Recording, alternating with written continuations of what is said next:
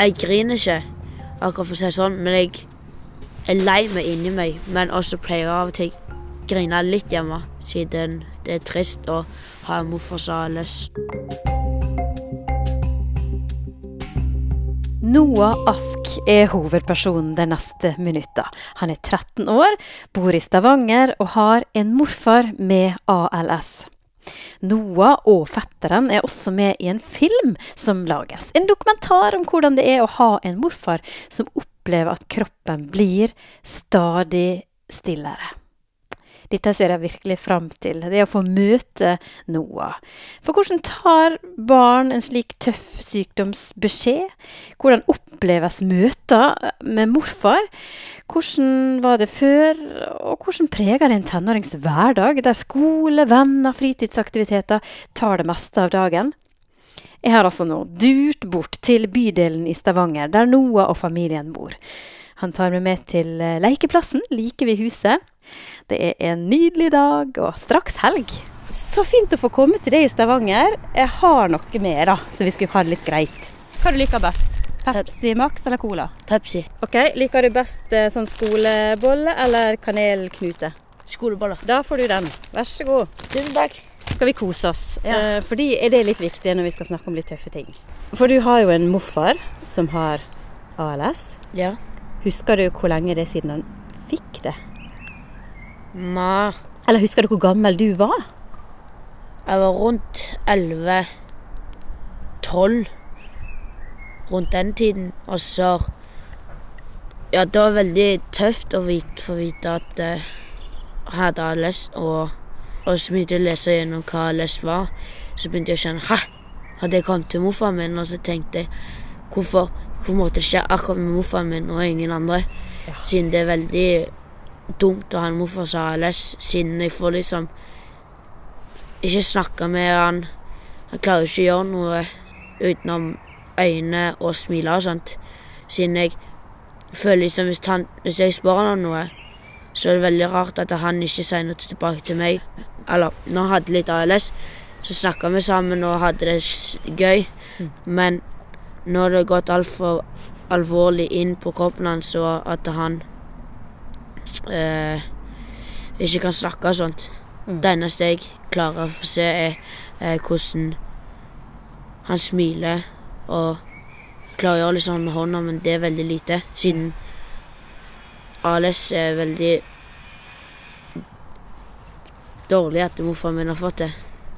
Men når du så den der lista over ting som kom til å skje med morfaren din, hva var det du måte, syntes var mest skremmende ved de tinga?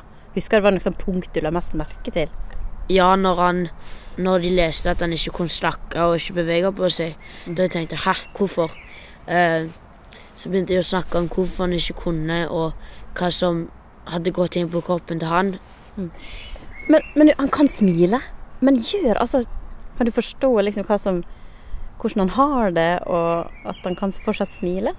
Ja, siden når tante pleier å kile han, og sånn, så pleier de så pleier han å le, eller ikke le, men smile, og da skjønner jeg hvordan at jeg har det kjekt, og Kiler han? ja, litt sånn under armene. Er ikke det litt dårlig gjort? Nei, det er litt løye, da. De, ja, de gjør det ikke så mye. Det er bare litt for tulla sånn, Ja. siden når han har det kjekt, så skjønner tante det mer enn meg, siden tante jobber jo med morfaren min, og hun er der nede nesten hver dag og hjelper han med ALS og sånt. ALS-pasienter kan klare seg veldig bra. Selv om de er aldri så syke, så kan de faktisk le, og de kan være sinte, og de kan kjempe. Og det gir de livskvalitet. Ole Bjørn Tysnes er en av forskerne i Norge som jobber intenst med ALS. Han er den som driver det kliniske studiet som er mest konkret nå, der en type medisin utprøves. I tillegg til forskning er han også lege, som møter pasienter og pårørende, og er derfor daglig tett på sykdommen. Vi er så glad og takknemlig for å få komme tett på de som virkelig kan noe om ALS, slik at de lettere kan forstå og bli kjent med denne sykdommen. Mer fra han kommer om noen minutter. Tilbake hos Noah er jeg litt spent på hvordan han som tenåring takler hverdagen med så alvorlig sykdom i familien. Får du besøkt han av og til, eller? ikke så mye nå siden jeg er litt forkjølt og har hatt litt vondt i halsen i det siste. Og så har jeg vært veldig mye ute med venner. Eh, vært veldig mye ute i det siste, og så har jeg ikke hatt tid til å være der nede. Men jeg må gå ned der en dag, siden jeg har savna så mye nå. Hører du det? Hva du savner da? Nei, jeg ser morfar Eller få øyekontakt med han siden det er veldig lenge siden jeg har sett han nå. Men Får du dårlig samvittighet når du er med vennene dine, eller tenker du at det er faktisk litt viktig? Nei, jeg syns det er viktig å være med venner òg, men jeg tenker jo på morfar min hele tiden. Gjør du det? Jeg tenker på hvordan han jeg har det, hva kommer til å skje. Nå, nå beskriver du litt hvordan morfaren din er nå, har det. Men hvordan du vet hva han på en måte føler og tenker. Jeg ser om jeg har det bra, eller om jeg har det dårlig med munn og smiling og øyekontakt. Jeg skjønner, jeg skjønner for det meste av hva han har, eh, eller sier, eller hvis jeg skulle si noe. Men det er litt Det er trist å være der nede, siden han Han, eh, han snakker ikke sånn som han gjorde før. Han eh, Ja. Er det sånn at du kan du vise følelsene dine hvis du er lei det, og kanskje gråte til og med? Er det sånn at du gjør det der, eller venter du liksom til du kommer hjem? Nei, jeg pleier å gjøre det av og til. Eller jeg, jeg griner ikke, akkurat for å si det sånn, men jeg er lei meg inni meg. Men også pleier jeg av og til å grine litt hjemme. Jeg, jeg tror ikke, Vi gidder ikke å tenke så mye på det som skal komme, men kan vi tenke litt på sånn det var før? For det er jo litt herlig å kunne minnes Ja. hvordan morfar var liksom før han fikk ALS. Hva er det du husker best fra det? Nei, vi var jo veldig mye eh, nede meg og søskenmannen min, han heter Felix. Eh, vi var veldig mye nede hos mamma og morfar. Vi pleide ofte å bygge en Lego. Han, og så pleide vi å gå ned i kjelleren og bygge ting siden han hadde svært vakt, eller har svært vaktsted. Og så pleide vi å hjelpe han og ja. Og så pleide vi å gjøre veldig mye annet òg. Vi pleide å dra Vi har hytte på Fister. Eh, så, le, eh, så kjører vi fra båt fra Fister, og så kjører vi noe til som heter Fogn. Pleide vi å fiske. Pleide bare å slappe av ute på havet og bade og sånt.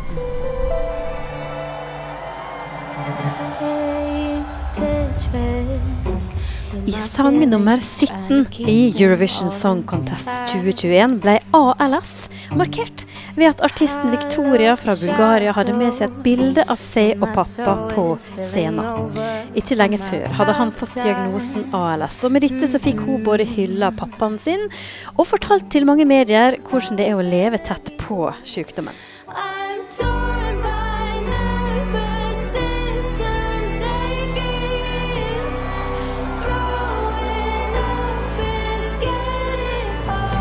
Old. Som rant i sceneshowet minner oss om hvor fort tida renner, forteller hun. Og bildet beskriver hennes kjærlighet til familien og de kjæreste vennene hennes, har hun forklart. 'Growing Up Is Getting Old' kom til slutt på en ellevteplass.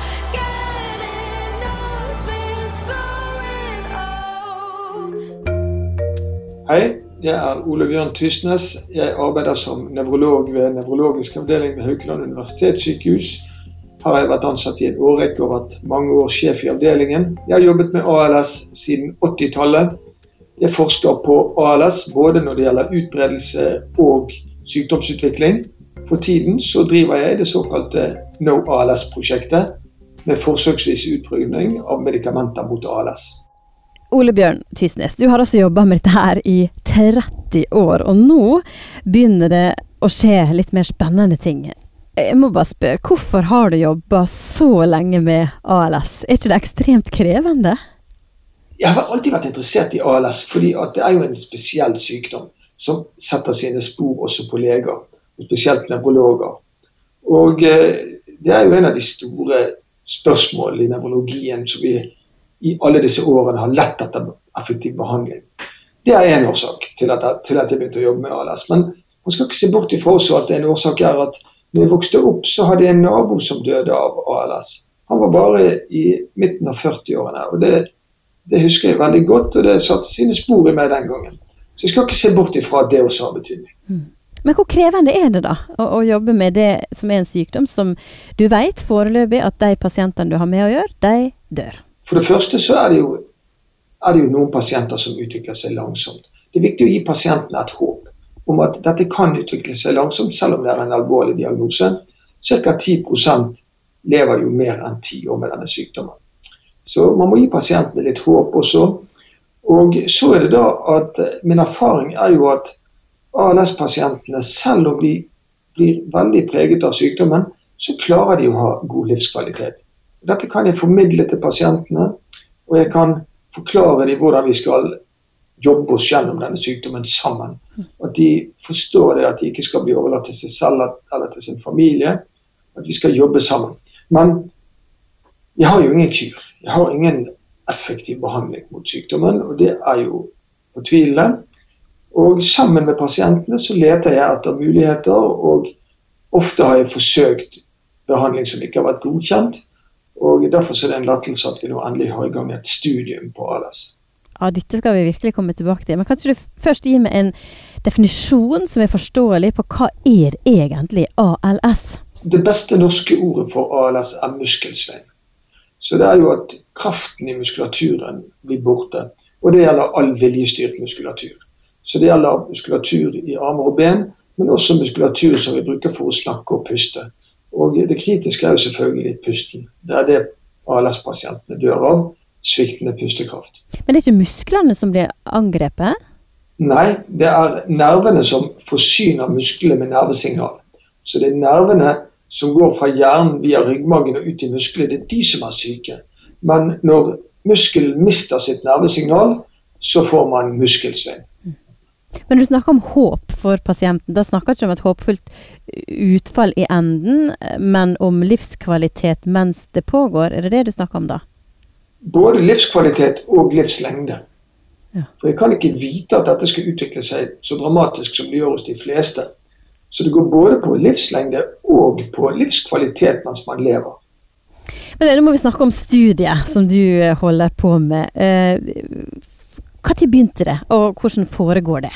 Vi startet i oktober. Ideen kommer jo fra forskningslaboratoriet her i avdelingen, hvor vi har studert hjerner til ALS-pasienter og Parkinson-pasienter.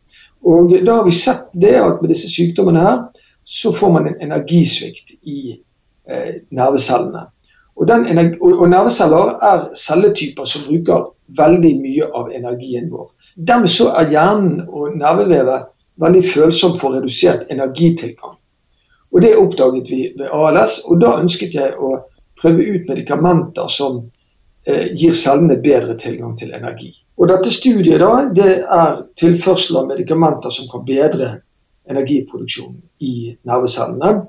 Og Vi har vist det at med de dosene vi gjør, så klarer vi å få dette medikamentet inn i hjernen. Så vi er ganske sikre på at nervecellene som er syke, kan få tilgang til dette medikamentet.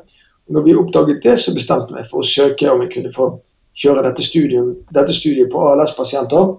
Og fikk da et samarbeid med et amerikansk firma som produserer medikamentet. Nå gir gir vi dette som et studium til norske ALS-pasienter.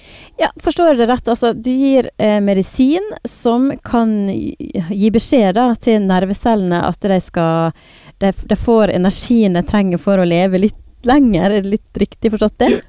Ja, du kan si det sånn. Altså Det er et stoff som, som gjør at nervecellene får tilgang til energi, og at de derved vil ha lengre overlevelse til tross for at de er syke. Ja, Og holde lettere på musklene, da. enn Ja.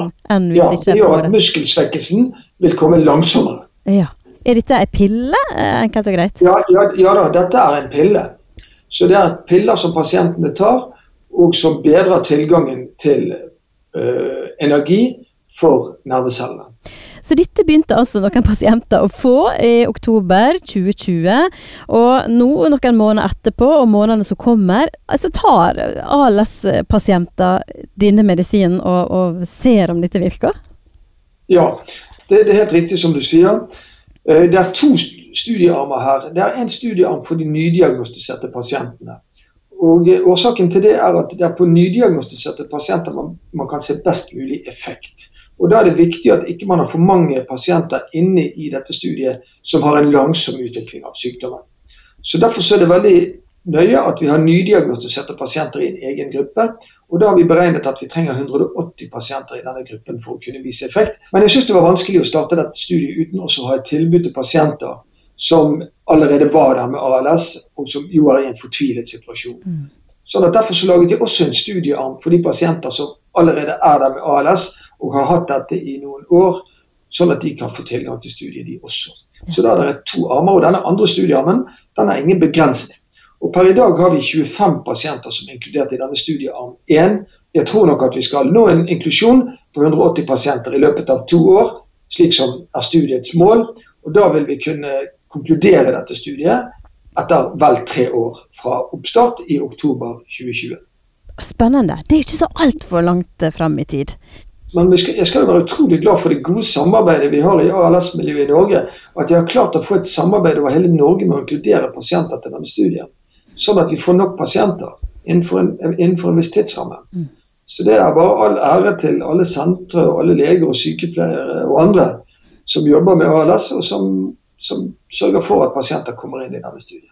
Jeg husker første gang jeg snakka med deg, eh, Ole Bjørn, så merka jeg at du var så glad. Etter så mange år så kan du endelig tilby noe. Beskriv det litt for oss. Ja, det er, en, det er en utrolig glede at vi endelig har et forsøk, forsøksprosjekt som går på behandling. Det er jo sånn at Vi har hatt andre forsøksprosjekter på ALS, men det har på en måte mer vært å registrere hvilke symptomer de har, hvor dårlige de er, og slike ting, hvordan de utvikler seg. Det er først nå vi har en, en behandling som kanskje kan forsinke utviklingen av sykdommen. Og Det er ganske morsomt når man er med ALS-pasienter. Selv om de er dårlige, så har de masse ironi og humor. Og de fleiper med meg at de gjerne vil ha aktivt stoff, at de ikke vil ha sukker og slike ting. Men de gjør det alltid med glimt i øyet. Jeg klarer ikke helt å la være å tenke på den som får placebo. Og jeg kan forstå frustrasjonen for de som er usikre på om de får ekte medisin eller sukker. Men så forstår jeg også at denne måten å forske på er den eneste veien til sikre talldata, og den usikkerheten vil i andre enden komme andre til gode. Det er jo slik når man er pasient, naturligvis vil man ha det aktive stoffet. Og her er det sånn at I dette studiet her, etter at pasienter har vært ett år i studiet, så søker jeg om en forlengelse hvor alle pasienter etter ett år skiftes over til aktiv behandling.